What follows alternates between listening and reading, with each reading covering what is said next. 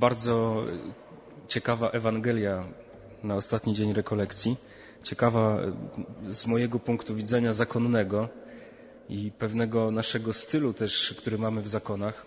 U mnie, u kapucynów, to szczególnie jest widoczne, dlatego że jakby posłuszni temu słowu poniekąd, ale, ale też jakby wracając do świętego Franciszka z Asyżu, przeszliśmy taką drogę od bycia ojcami do bycia braćmi. To są takie nasze wewnętrzne jakieś, nie wiem jak to powiedzieć, takie pewne niuanse tego naszego charyzmatu, zakonnego życia, zupełnie takie nieistotne dla, dla ludzi, którzy nie są kapucynami.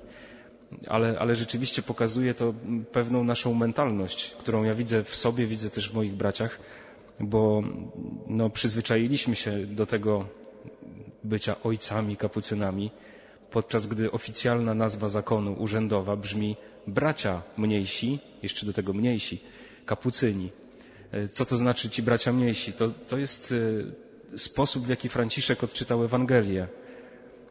Nie nazywajcie nikogo ojcami, bo jesteście braćmi, a więc Franciszek bierze to, to słowo, tworzy wspólnotę braci i do tego jeszcze mniejszych, żeby, żeby nie było tak, że jakiekolwiek znaczenie ma jakaś pozycja w świecie, pieniądze, rodzina, układy, tytuły naukowe, tytuły kościelne, cokolwiek. Brat mniejszy to ten, kto po prostu jest bratem, jest człowiekiem. I, i taka była ta intuicja Franciszka, którą, z której potem zrobiliśmy sobie ojców kapucynów. Mówię to o, o, o moim podwórku cały czas. I w momencie, kiedy przyszła taka zachęta do, pewnego, do pewnej odnowy, odnowy pewnego myślenia o sobie samych i odejścia od tytułów właśnie ojcze i tak dalej, i, i przeszliśmy na braci, no to dla wielu z nich było to nie do przeskoczenia, nie do przejścia. Dlatego, że ten ojciec miał jakieś znaczenie, miał jakąś swoją powagę, a brat, no już tu nie ma tej powagi. Ja to czasem w różnych zakrystiach się z tym spotykam, kiedy się przedstawiam, że jestem brat Szymon i wtedy księża patrzą tacy zdziwieni, czemu ja się pcham do ołtarza, skoro jestem braciszkiem. Braciszek to jest jeszcze, jeszcze forma taka prostsza bycia bratem. To są, trochę tak żartobliwie mówię, ale, ale to pokazuje pewną naszą taką mentalność, przywiąza, przywiązanie do tego, żeby coś znaczyć.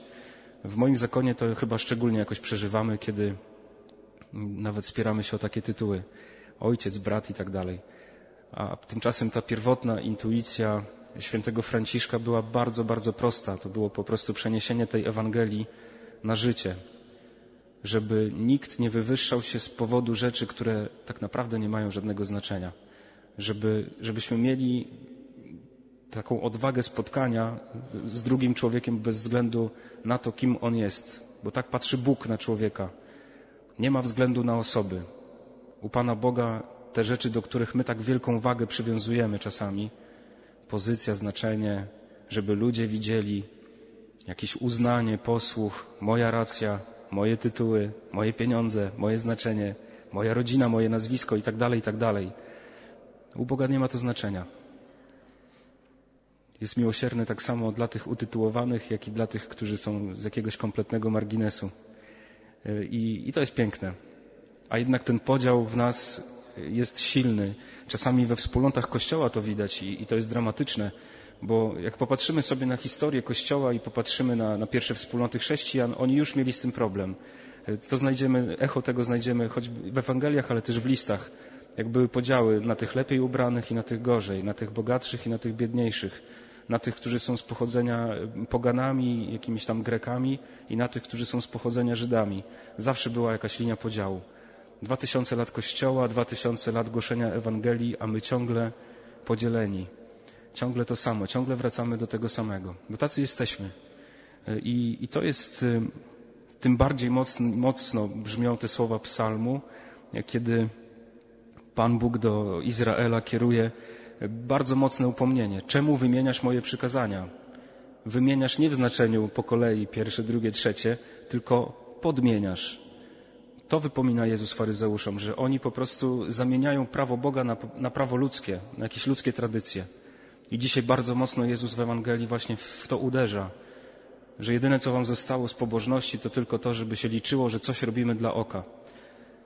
Coś, dla, coś żeby nas ludzie podziwiali, Dlatego lubimy te tytuły.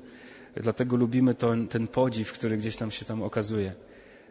Mamy w sobie to pęknięcie, nie wiem jak to nazwać, taką ranę. Mamy w sobie taką skłonność. Katechizm Kościoła, tradycja Kościoła nazywa to porządliwością. Porządliwość, czyli taka łatwość w, w samouwielbieniu. Taką mamy skłonność do tego, żeby, żeby bardzo się o siebie troszczyć, bardzo mm, tak zabiegać o siebie, o własne szczęście, o, o te rzeczy, które tu już wymieniłem wcześniej. Egocentryzm, że to ja jestem w środku w ogóle całego świata. I dzisiaj to Słowo Boże y, nas upomina, żeby, żeby rzeczywiście trochę się nawrócić. Takim przełomowym momentem, wracam jeszcze na chwilę do świętego Franciszka z Asyżu, w jego nawróceniu było spotkanie z trędowatym. On jako człowiek, tak powiedzmy, dobrze urodzony, z dostępem do pieniądza, z jakim, jakąś pozycją w tym społeczeństwie swoim e, tamtego czasu, to jest, e, to jest XII wiek, koniec XII wieku, e, po prostu gardził trędowatymi. Miał ich za nic, kiedy ich widział, brało go jakieś obrzydzenie, uciekał, miał jakąś sobie taką nienawiść do, do tych ludzi trędowatych, którzy chorowali. I dla niego przełomem było spotkanie na drodze, kiedy jechał konno. Ciekawe, że potem w regule zabronił braciom jeździć konno. Na konia trzeba było mieć dużo pieniędzy tak naprawdę, więc y, posiadanie konia i jazda konna była znakiem statusu, że, to, że znaczyłeś coś, jak jechałeś y, na koniu. Więc on potem braciom zabronił w regule. Mamy takie zapisy, zobaczcie, to jest też ciekawe. I, i jechał sobie konno gdzieś tam pod Asyżem i widzi na drodze trędowatego i miał jakieś mocne, mm, to, to, był czas jego łaski, tak można to nazwać. Czas łaski, w której coś w nim pękło, coś się nagle zmieniło, coś się przestawiło. I on zsiadł z tego konia na widok trędowatego, na który zawsze uciekał. Zsiada z konia, staje przed nim twarzą w twarz i oddaje mu swoje ubranie, oddaje mu swój płaszcz. Niektórzy biografowie dodają, że też e, jakoś go ucałował, przytulił, przygarnął, okazał mu jakiś sposób czułość. I kiedy w swoim testamencie na koniec życia podsumowuje całą swoją historię i pisze takie zachęty do braci, to mówi, że życie pokuty, życie nawrócenia zaczęło się dla niego wtedy, kiedy Pan wprowadził go między trędowatych, bo on potem e, rzeczywiście spędził jakiś czas w takiej wiosce trędowatych, gdzie ich pielęgnował, zajmował się nimi. Stanął twarzą w twarz z człowiekiem, zsiadł z konia, zrezygnował z tego swojego prestiżu, z tego swojego splendoru, z tej swojej pozycji, z możliwości ucieczki i stał się bratem z tym, którego spotkał. To jest też to słowo, które mówi dzisiaj, kto się wywyższa, będzie poniżony, a kto się poniży, kto, tu nie chodzi o jakąś autoagresję, jakąś taką nienawiść do samego siebie, ale takie stanięcie w prawdzie, zejście z tego konia swojej pychy i stanięcie nogami na ziemi, to jest to poniżenie. Tu nie chodzi o to, żeby odebrać komuś godność, ale żeby tak naprawdę ją odzyskać. Dlatego Jezus mówi, że kto się poniży, ten zostanie wywyższony, bo ten będzie po prostu na swoim miejscu. I, I, to jest ta zachęta dzisiejszej Ewangelii, żeby nie bać się czegoś stracić, żeby nie bać się tego, że możesz nie mieć racji, żeby nie bać się y, służby dla drugiego człowieka, a może jeszcze ciekawiej, może żeby nie bać się przyjąć służby dla siebie od drugiego człowieka. Bo czasem taka nasza wewnętrzna pycha nie pozwala nam przyjąć jakiejś pomocy, przyjąć miłości, miłosierdzia, bo mamy takie przekonanie, że to my musimy wszystkim, dla wszystkich być miłosierni i często tacy jesteśmy. Ale kiedy chodzi o nas samych, no to już nie, bo my coś, to mamy zawsze swoje wymówki. Przykazanie które zostawia nam Chrystus, jest bardzo proste. Kochaj Boga na miarę swoich możliwości, ze swoich sił po prostu, swoim umysłem, swoim sercem, na poziomie rozumu, na poziomie uczuć, na poziomie też pragnień, a bliźniego swego jak siebie samego. E, to jest bardzo ważne przykazanie, bo my często słyszymy tylko tą część o bliźnim, ale ona zawiera w sobie też ten, ten nakaz miłości do samego siebie, a więc to wezwanie do tego, żeby się otworzyć na tego, który przychodzi z dobrocią dla mnie, na tego, który przychodzi z miłosierdziem dla mnie, na Boga, który chce być miłosierny dla mnie, na człowieka, który przychodzi z bezinteresownością, dobrocią, przyjaźnią, jakąś służbą ze względu na mnie. To jest bardzo trudne. Chciałbym jeszcze na koniec przedstawić Wam postać świętego Piotra, króciutko, i dlatego, że w nim to bardzo mocno widać. Jak popatrzymy na jego powołanie i całą jego drogę, którą znajdziemy i w Ewangeliach, potem też w dziejach apostolskich i wreszcie w jego listach, to zobaczymy, że on dokładnie był taki sam. Że ta, ta jego pycha, która gdzieś w nim była, blokowała go na, na przyjmowanie tej miłości Boga. To jest bardzo ciekawe. Kiedy Jezus dokonuje cudu w trakcie powoływania go, kiedy on wraca, nic nie złapał, żadnych ryb, po całej nocy łowienia, Jezus mówi zarzuć sieci, dokonuje się cud. I Piotr, jaka jest reakcja Piotra? Odejdź ode mnie, Panie, bo ja jestem człowiek grzeszny. Bardzo dziwna, bardzo niezrozumiała. Piotr nie jest w stanie pomieścić w głowie, nie jest w stanie pomieścić w swoim sercu tego, że po prostu Jezus dla niego uczynił ten cud. Potem ten schemat takiego ciągłego bycia blisko i uciekania u Piotra się bardzo, bardzo często powtarza, aż wreszcie jesteśmy na ostatniej wieczerzy, kiedy Jezus przychodzi jako sługa do swoich uczniów, jako ten, który chce im służyć, który sam mówi o sobie: Ja nie przyszedłem, żeby mi służono, lecz aby służyć. I kiedy właśnie uczniom chce umywać nogi, to Piotr ma wielki problem i mówi: Nie, panie, nie będziesz mi nigdy nóg umywał. Nie jestem w stanie przyjąć Twojej służby. A może chcę powiedzieć: Nie wierzę, że ona jest dla mnie. Nie wierzę, że Ty możesz być dla mnie dobry, bo coś tam, coś tam, coś tam. I tu każdy może dopisać swoje, swoje wymówki, swoje, swoje przekonania. Naszym takim ogromnym utrapieniem w naszym życiu, wielu z nas, niestety wielu z nas, jest to, że nie wierzymy w to, że możemy być kochani. Tymczasem Jezus przychodzi przekonać nas o tym, że jesteśmy godni Jego miłości. I mówi to Piotrowi: Jeśli ty będziesz to odrzucał w taki sposób, to nie wejdziesz do nieba, nie będziesz mieć udziału ze mną. Odcinasz się od życia wiecznego. I Bogu dzięki Piotra ratuje to, że on w to słowo uwierzył i się zgodził. I przestał walczyć z Jezusem. Potem oczywiście ma kolejne problemy, bo, bo poznaje siebie, jest mu ciężko, cały czas dojrzewa w swojej wierze. Ale to zaufanie Słowu Jezusa jest kluczowe, bo ratuje go w wielu momentach jego życia.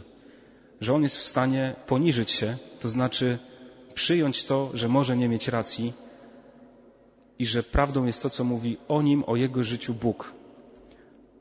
Z tym chcę Was zostawić. Święty Franciszek z Asyżu, on właściwie całe te rekolekcje moje zawarł w jednym zdaniu. Ja po pozwoliłem sobie trochę rozwinąć na trzy dni, ale, ale to, o czym mówię, to się zawiera w tym powiedzeniu świętego Franciszka. W jednym z napomnień do braci, które napisał, zostawił taką zachętę, że pamiętaj, że jesteś tym, kim jesteś w oczach Boga i nikim więcej. W oczach Boga.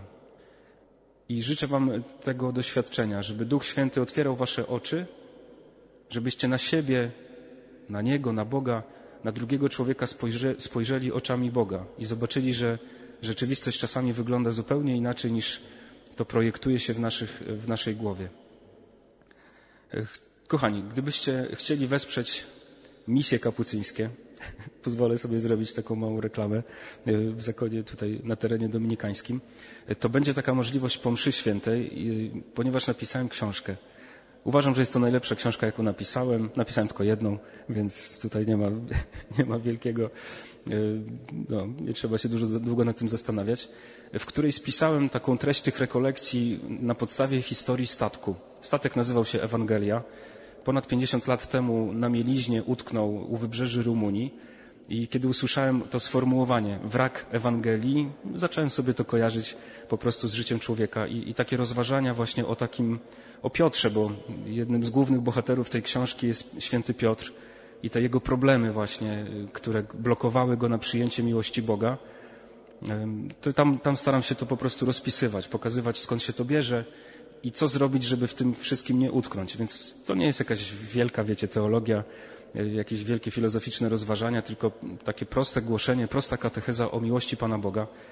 E, prosta książka z wieloma ciekawostkami o statkach przy okazji, to taka, takie połączenie e, wyszło z tego. Gdyby ktoś chciał nabyć taką cegiełkę misyjną i w ten sposób po prostu nasze misje kapucyńskie wesprzeć i, i, wziąć ze sobą pamiątkę z tych rekolekcji w postaci tej książki, żeby może sobie coś tam pogłębić i odświeżyć, to, to zapraszam po mszy świętej przy wyjściu z kościoła, będę się tam kręcił. Gdyby ktoś chciał też, nie wiem, pozdrowić mnie, uścisnąć rękę, to też serdecznie zapraszam, chętnie się z wami tam spotkam.